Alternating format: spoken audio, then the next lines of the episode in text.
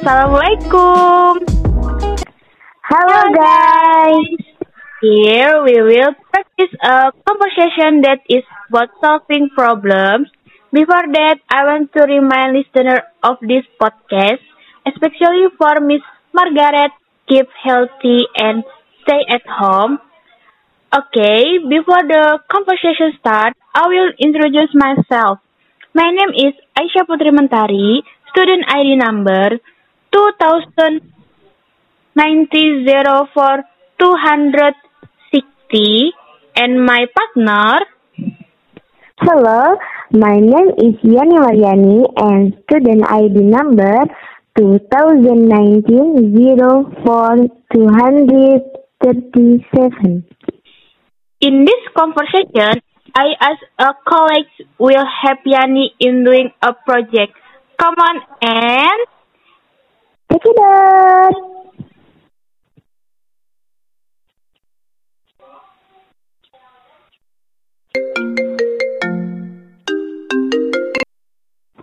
Hello. hello. Excuse me, Miss Aisha. Are you busy? No, I'm not busy. What can I do for you? I will discuss about the new project because you will be the second hand of the project that we will carry out later. Alright, Miss Yani. To be honest, I will make a new product using the latest technology from this. I am talking, Miss. Based on the report, our latest product is good in the market, but there is a price issue, right? Yes, Miss. It was expensive because we use outside service. Yes, that's right. So, how do we solve that problem? Listen to me. Yes, Miss. I listen. This new product uses our latest technology, but there is a problem. We need someone to be an IT staff because IT manager needs someone to help them. And outside service will not be need anymore. That can reduce the price of the product.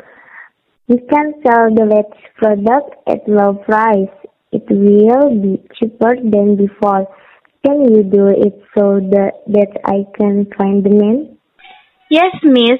I will find people to help IT manager. Okay, that is good. Do you have any other advice besides that? Um, I think maybe if we give a discount or buy one get one free, an interesting advertisement that will cover a predetermined price. Okay, interesting idea. Later after lunch, I will hold a meeting to discuss new product with the manager and the IT team. Follow me at the meeting. Yes, Miss Yani, thank you for trusting me to be your work partner. You're welcome, Aisha. Hopefully the project will work smoothly. Yes, see you at the meeting later. Yes, see you later. Thank you for listening our podcast. Wassalamualaikum warahmatullahi wabarakatuh. We let the waters rise. We drifted